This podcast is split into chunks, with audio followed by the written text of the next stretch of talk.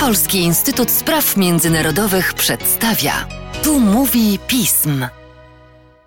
Tu mówi pism. Przy mikrofonie Mateusz Józwiak, a wraz ze mną Marcin Przychodniak, analityk oraz ekspert Polskiego Instytutu Spraw Międzynarodowych do spraw Chin. Dzień dobry Państwu, cześć Marcinie. Cześć, dzień dobry, witam w nowym roku. Wracamy do naszych e, styczniowych podsumowań. Dzisiaj rozmawiamy o kwestiach związanych e, z Chinami, a jeżeli Chiny, to prognozę na 2023 rok, jednak wynikającą z pewnych działań roku 2022.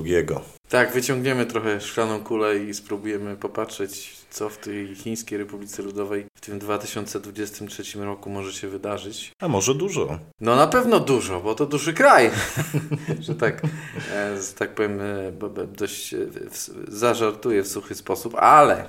Ale może zaczynając, skupmy się na gospodarce. To jest temat, który chyba nas najbardziej interesuje. Tak, y, no tak, bo on też jakby ma największe chyba przełożenie na nas bezpośrednio, na Państwa słuchaczy, życie też codzienne, zakupy i tak dalej. Wbrew pozorom chińska gospodarka, albo nawet nie tyle wbrew pozorom, co po prostu ma ogromne przełożenie na to, co się dzieje na świecie.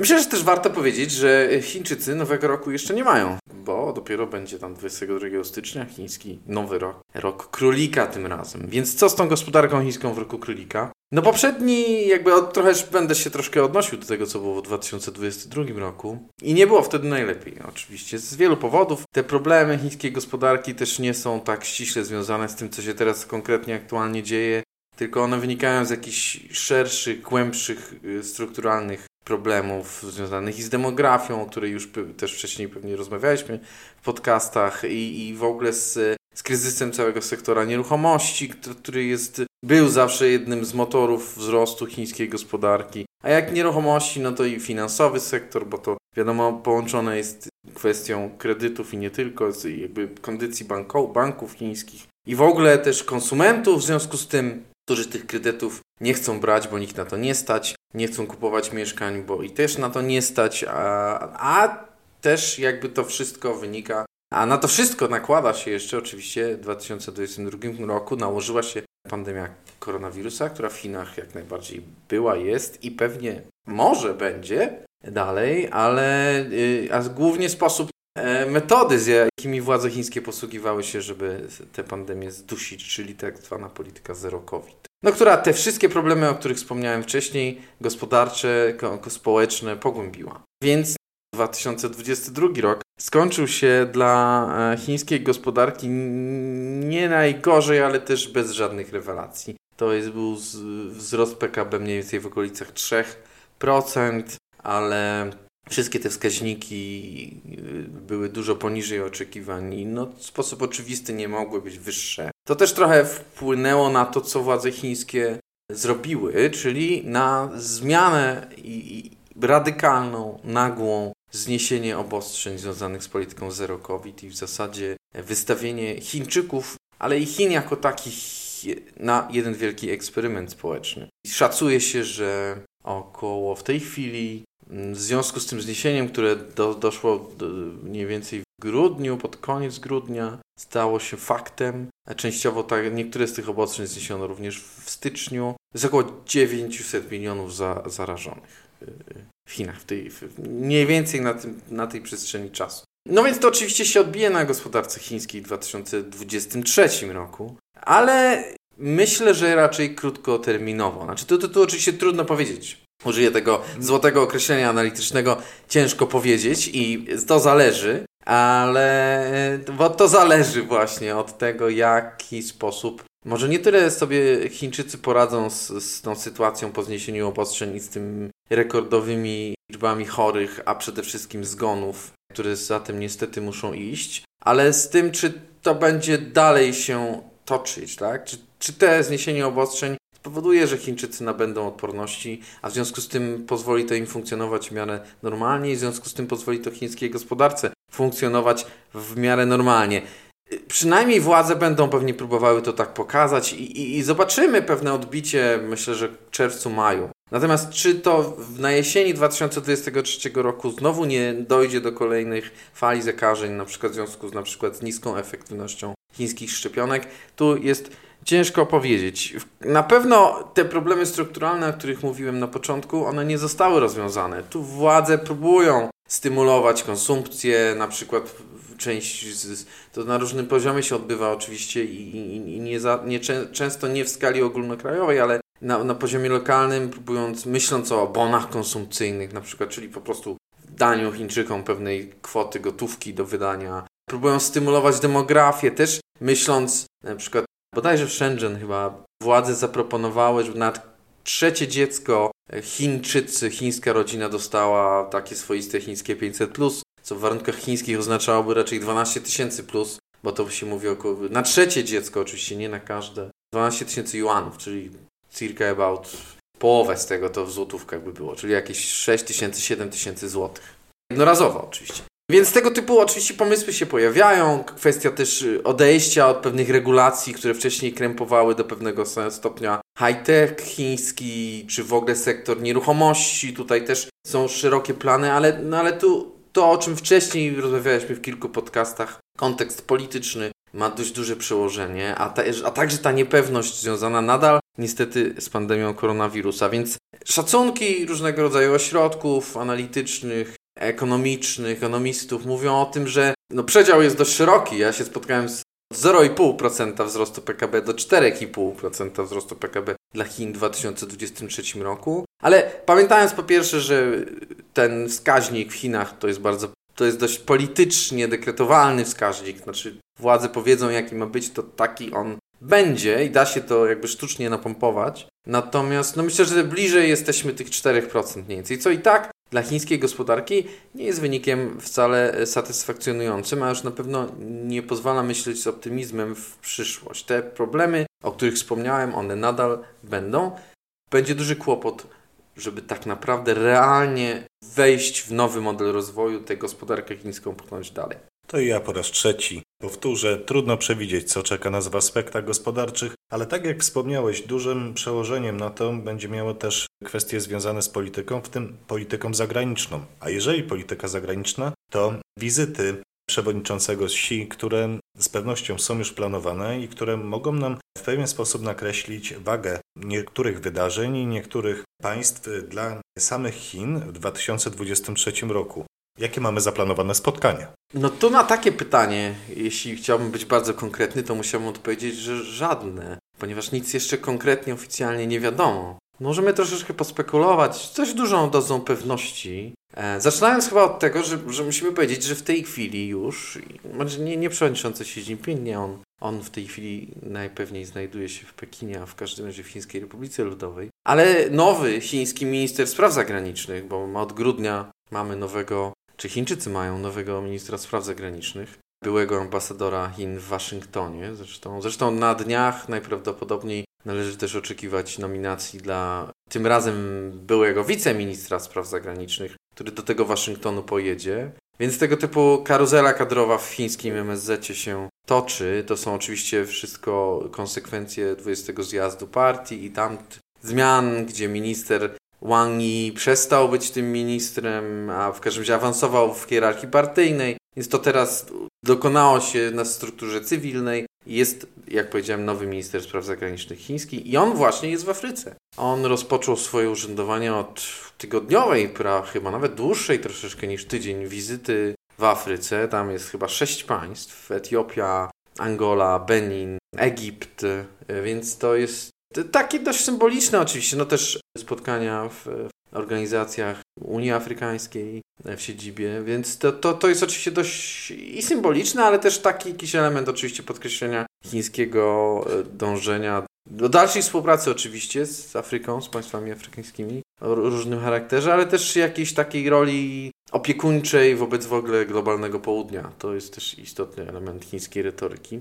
Ale wracając do przewodniczącego Xi Jinpinga, no, on został zaproszony e, już do złożenia pierwszej wizyty i to oficjalnie przez e, prezydenta Rosji, Władimira Putina. W grudniu, kiedy oni jeszcze rozmawiali, to było bodaj albo w Sylwestra, albo w Nowy Rok. Taki sobie termin wybrali. Tak, tak. Nietypowy, ale... Postanowili to jakoś uczcić, e, tę zmianę kalendarza.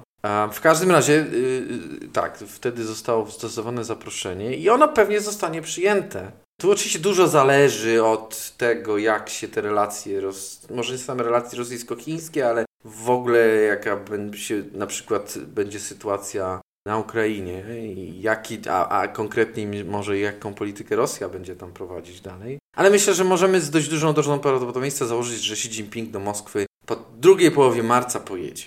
I, i też będzie raczej dalej podkreślał ten, te relacje z Rosją jako pozytywne, jako strategicznie ważne. No być może właśnie będzie to jakiś element tego, co Rosja chciałaby uzyskać, czyli jakiegoś potwierdzenia domniemanego, ewentualnego, propagandowego sukcesu rosyjskiego na froncie ukraińskim, bo mówi się dużo o ewentualnej ofensywie rosyjskiej, która ma za chwilę nastąpić. Kalendarzowo tak by to wynikało, ale czy tak będzie, to się przekonamy i czy Xi mm. Jinping będzie chciał to zrobić, to też się przekonamy. Tak, zgadza się. No ale mimo wszystko, wracając do roku 2022, to jest właśnie omawiane przez Ciebie kwestia zaangażowania chińskiego w wojnę w Ukrainie i to zaangażowania po stronie rosyjskiej. Tworzy to pewne pytania i wątpliwości co do tego, jak będą modyfikować się, zmieniać, kształtować relacje z Unią Europejską, z Zachodem szeroko rozumianym, no ale też przecież ze Stanami Zjednoczonymi. Jak to jesteś w stanie przewidzieć?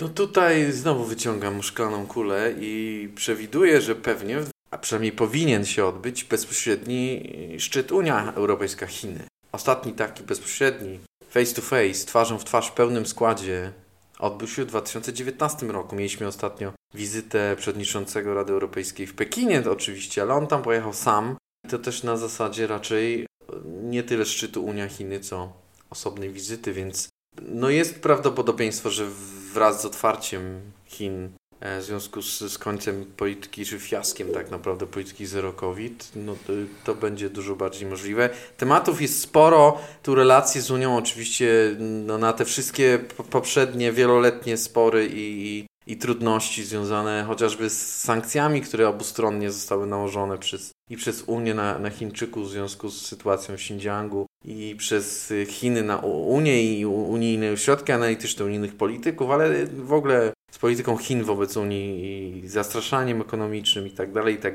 a przede wszystkim ostatnio no to z unijną oceną chińskiego wsparcia dla rosyjskiej polityki, a konkretnie dla, dla agresji na Ukrainę, więc te wszystkie problemy pozostają na stole i tu nie ma raczej większej perspektywy, żeby one mogły zostać jakoś nagle, czy może nie nagle, ale w 2023 roku rozwiązane. Jest jedna kwestia, oczywiście Chińczycy próbują od powiedzmy grudnia w jakiś sposób, oto po zjeździe, myślę, że to jest jakiś element nowego otwarcia po zjeździe Komunistycznej Partii Chin, próbują przekonać część partnerów europejskich, oni, oni próbują przekonać wszystkich, ale działa to wobec części raczej, że no tutaj ich polityka wobec Rosji jest jakoś zniuansowana, że oni, że oni nadal bardzo chętnie chcą i, ben, i dążą do tego, żeby z Unią prowadzić ta dobrą współpracę, żeby się porozumieć w tych trudnych kwestiach.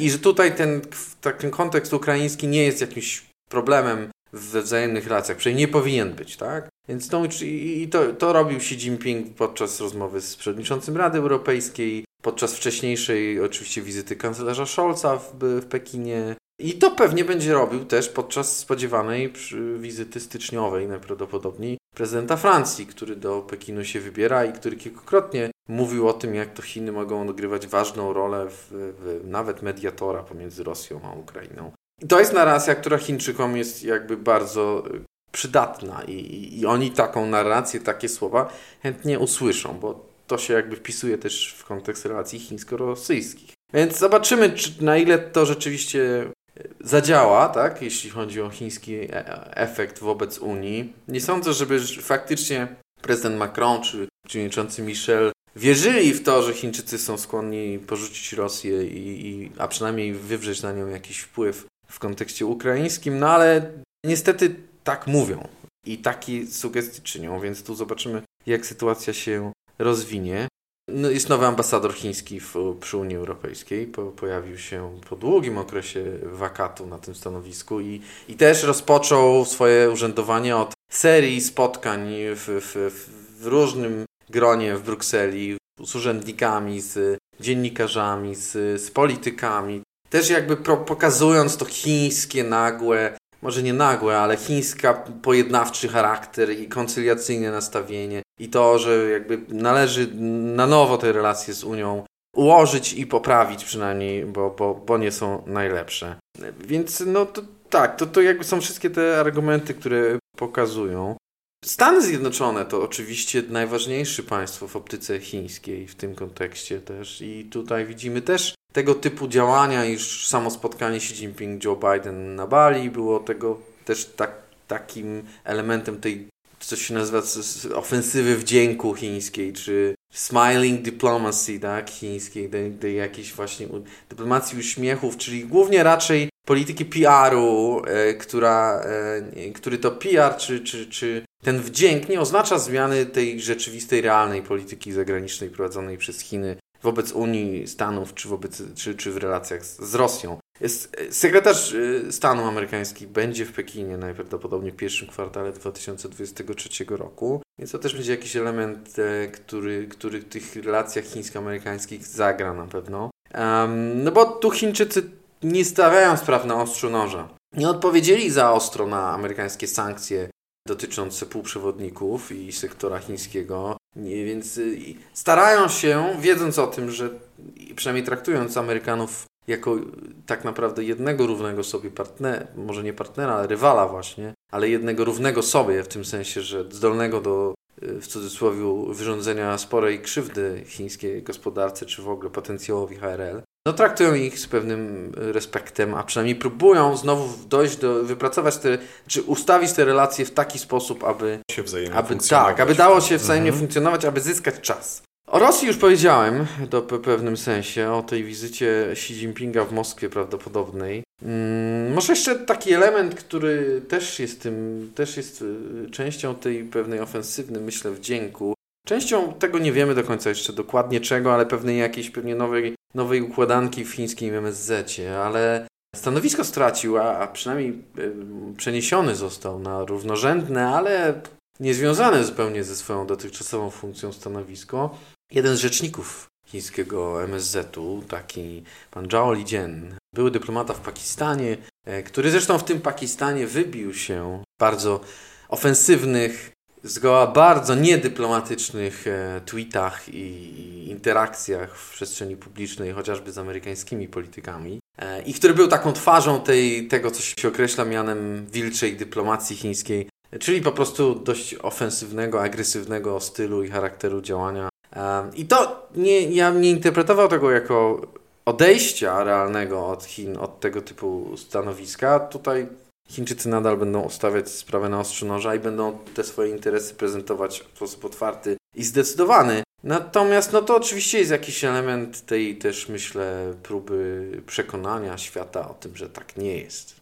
No ale czy uda się to osiągnąć w 2023 roku? Przekonamy się w najbliższych podcastach. Zresztą będziemy mieli o czym rozmawiać w wspomnianych kwestiach gospodarczych, wizytach, no ale też o tym, jak będą modyfikować i rozwijać się poszczególne relacje z poszczególnymi partnerami za granicą. Będzie o czym rozmawiać bez szklanych kul. A tymczasem dziękuję Ci bardzo, Marcinie, za dzisiejsze nagranie. Dziękuję.